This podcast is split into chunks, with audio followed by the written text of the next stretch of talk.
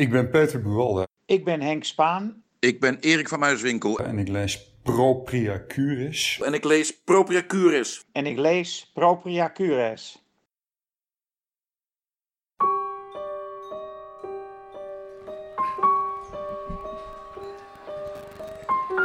Lieve mensen, welkom bij aflevering 19 alweer van de Poëzie Podcast. Het is nu februari 2018. Trump is inmiddels afgezet als eh, president en iedereen is gelukkig.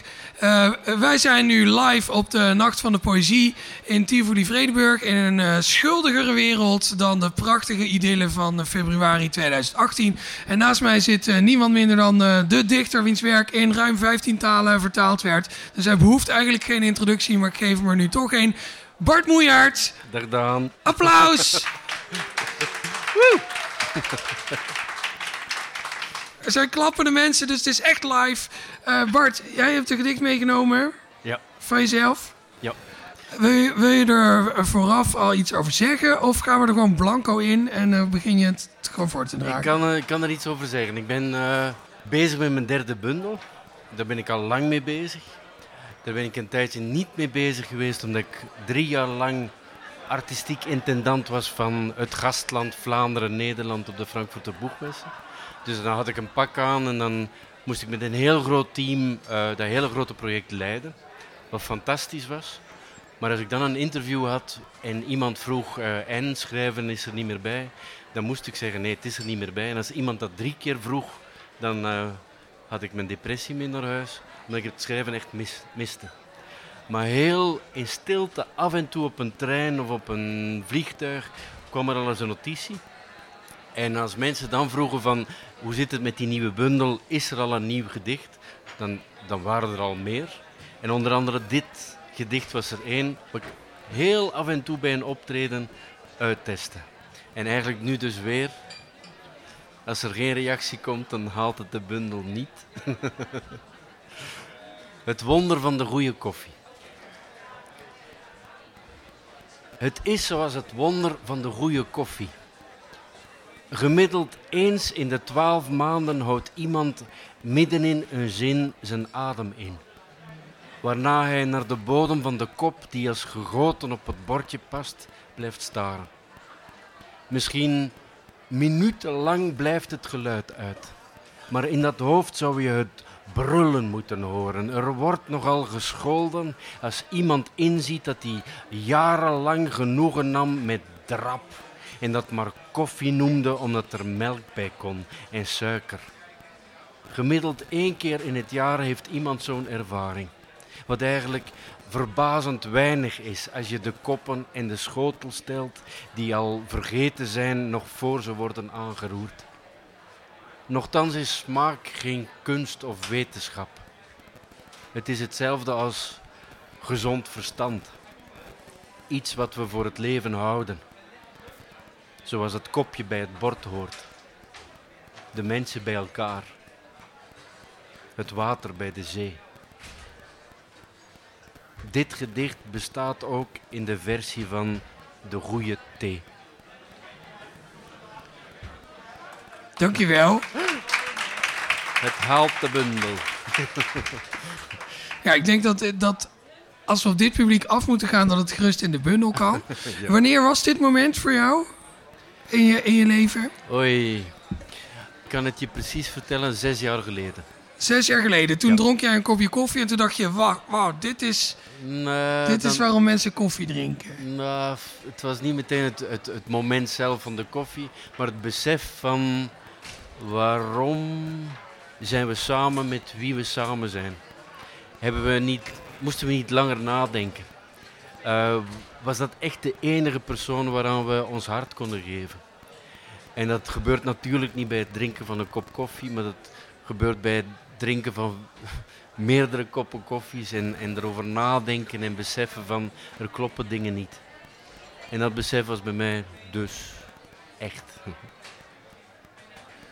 Ik vond het een heel listig gedicht, omdat, uh, omdat het zo lyrisch is over die koffie en dat moment en, en hoe, hoe iemand een soort overdonderende, uh, veranderende kijk op het leven ontvangt. En hoe je dat dan in het einde al helemaal bijna op een soort zakelijke manier, eh, een soort poëzie op bestelling, op zijn kop zet. Door te zeggen, nou, en, en eh, voor, voor wie het wil is dit, eh, is dit gedicht ook leverbaar in een andere kleur. Ja. En misschien zelfs in een andere drank, een andere smaak, een ander moment. Maar ik ben er. mm, Nee, ik ben ervan overtuigd, ging ik zeggen, maar ongeveer van overtuigd. Ik zat in de auto en ik was onderweg een maand lang in Normandië. En ik ging van stad naar dorp naar stad en ik bleef op verschillende plekken. En ik was weg van mijn geliefde. En ik zit achter mijn stuur en ik besef ineens wat hier gebeurt. Maar ja, Is het dan ook zo dat jij een gedicht als dit. Je zet je auto aan de kant en je, je smijt het in één keer op papier. En zoals het er toen stond, zo heb je het nu voorgedragen? Of volgt daar dan een periode van heel lang eh, schaven op? eh, absoluut heel veel schaven. Want die gedichten van mij die lijken eenvoudig. Maar man, man, dat is, dat is hard, hard werken. Ik, ik zit nu wel met je te praten, maar hadden we dat 30 jaar geleden afgesproken, dan had ik dit niet gekund. Ik vond communiceren moeilijk. Ik had er echt moeite mee. Dus liet, laat me maar binnen in mijn kamer en, eh, en ik werk aan mijn boek of aan een gedicht of wat dan ook. Maar naar buiten komen, dat doe ik niet. En op een bepaald moment ben ik dat beginnen leren. Maar door die ervaring van wat zijn woorden uiteindelijk. Ik, ik, ik formuleer nu een zin en jij gaat erop in, maar misschien had ik die zin toch anders moeten formuleren. En met gedichten ben ik op die manier bezig. Van, st- staat er echt wat ik wil zeggen? Geef ik mee wat iemand zou kunnen horen? Kan iemand mij vergeten? Want dat is heel belangrijk. Kan iemand mij vergeten en met dat gedicht iets van zichzelf doen? Want daarom gaat het, denk ik, al de hele nacht. Dat denk ik ook. Ja. En het schrijven van gedichten was aanvankelijk een eh, vervanging voor het reguliere communiceren. Omdat je je daar wat meer versleuteld in op kan stellen. Of stel ik dat helemaal verkeerd? Nee, maar ik denk dat je het nog zelfs een beetje complexer mag maken. Ja, ik denk dat in Nederland hetzelfde is als, als in België. Dat je op een lagere school eh, Annie Smit mag eh, declameren en er plezier in hebben. En een gedicht is van iedereen en doe er maar iets mee. En dat het middelbare onderwijs, dat was bij mij althans zo, totaal in de fout gaat. Ik had docenten of leraren die vervelend over poëzie deden. Wa- Wat heeft de dichter bedoeld? Jij moet nu zeggen wat de dichter heeft bedoeld. En ik zei altijd het verkeerde, want nee, je moest het studeren bijna. Dus mijn liefde voor poëzie ging, ging weg. En ik heb pas die liefde teruggevonden op mijn twintigste, toen ik niet zo makkelijk communiceerde, bij een docent poëzie op de hogeschool waar ik zat. En die man zette de stoelen in een, in een halve cirkel. De studenten zaten er met z'n dertigen. Je kreeg een gedicht, het moedergedicht van Klaus. En hij behandelde het alsof het een liefdesgedicht was van zijn moeilijk lief. Een lief dat nogal moeilijk schreef. En help me eens nadenken. En alles wat je zei, behandelde hij als... Er zit iets in. Zelfs al zei je stommiteiten. Eh, meneer, de titel komt terug op de voorlaatste regel. Misschien... Wauw, mooi opgemerkt. Daar had ik niet bij stilgestaan. En door Egbert Aarts, dat is zelf ook een dichter, ehm, is die liefde teruggekomen. Maar gedichten lezen is nog iets totaal anders dan gedichten schrijven. Want gedichten lezen, ik krijg het aangediend, het staat op papier, iemand heeft het werk al geleverd. Maar als ik het zelf moet doen, dan begin ik met dat witte blad, of, een, of twee woorden of een regel. En dan moet ik het zelf gaan uitbouwen. En als je bang gemaakt bent voor poëzie op de gevoelige leeftijd tussen je twaalfde en je achttiende, betekent dat niet dat je plotseling op je 42ste of 53ste denkt van, oh ja, tuurlijk. Integendeel, ik denk dat dat echt nog blij- blijft doorspelen van hoe zeg ik het, wat zeg ik en wat is het, de, de, de klank, wat betekent een klank. Eh, en ik ga er heel omzichtig mee om. Het is wellicht een taak, want wat je zegt over het onderwijs herken ik ontzettend. Ik had ook zo'n mailzak van een docent eh, Nederlands. aan ons de taak om de mensen eh, weer gerust te stellen over poëzie. Het is allemaal niet zo eng en moeilijk als je Ik, geleerd ik ben, is. Ik ben twee jaar stadsdichter geweest in Antwerpen.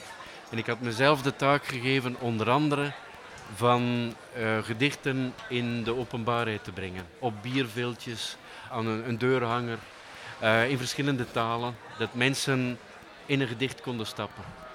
En ervan uitgaan van, zelfs als er maar één regel die ze meenemen als mooi, wat een, wat een quote, ik hang het boven mijn bed, dan ben ik al lang gelukkig. En hetzelfde geldt hier van, van alle dichters die op het podium staan. Wat, wat neem je mee? Wel, wel, welk beeld neem je mee? Dat is toch al, als het, als het drie beelden zijn of drie regels, vind ik dat al een fantastische avond. En ik denk dat we er niet, dat we er, dat we altijd economisch nadenken over teksten. Eh, wat, wat, is de boodschap? Wat heb je eraan? Niks, ik vond het mooi. Ik, heb ik vond het een mooie titel. Voor de rest heb ik het niet begrepen, maar ze heeft het prachtig gebracht. Top. Zou je nog één keer de mensen hier in de zaal en alle onzichtbare afwezige mensen die dit luisteren op hun telefoon of op hun laptop jouw gedicht willen laten horen? Natuurlijk wel, ja. Het wonder van de goede koffie. Het is zoals het wonder van de goede koffie. Gemiddeld eens in de twaalf maanden houdt iemand middenin een zin zijn adem in. Waarna hij naar de bodem van de kop die als gegoten op het bordje past, blijft staren. Misschien minutenlang blijft het geluid uit. Maar in dat hoofd zou je het brullen moeten horen. Er wordt nogal gescholden als iemand inziet dat hij jarenlang genoegen nam met drap en dat maar koffie noemde omdat er melk bij kon en suiker. Gemiddeld één keer in het jaar heeft iemand zo'n ervaring, wat eigenlijk verbazend weinig is als je de koppen in de schotel stelt die al vergeten zijn nog voor ze worden aangeroerd. Nochtans is smaak geen kunst of wetenschap. Het is hetzelfde als gezond verstand. Iets wat we voor het leven houden, zoals het kopje bij het bord hoort. De mensen bij elkaar, het water bij de zee. Dit gedicht bestaat ook in de versie van de goede thee. Dankjewel, Bart Moejaert. Alsjeblieft dan. Dit was aflevering 19 van de Poëzie Podcast. En dit was ook de laatste Poëzie Podcast die we opnemen op deze Nacht van de Poëzie. Het is nu bijna kwart voor één. De nacht is nog jong. Eh, hij ligt nog vol eh, eh, mogelijkheden open voor ons allemaal. Niet voor de mensen die dit luisteren in februari, als het koud is en een nieuw jaar. Tegen die mensen wil ik nog even zeggen dat de Poëzie-podcast wordt gemaakt en gepresenteerd door mij, Daan Doesborg. In samenwerking met de Stichting Literaire Activiteiten Amsterdam en Vrij Nederland. En dat ik eh, onze luisteraars en hopelijk ook de mensen in deze zaal in de vorm van luisteraars graag bij de volgende aflevering weer terugzie. Een hele goede, fijne en poëtische nacht gewenst.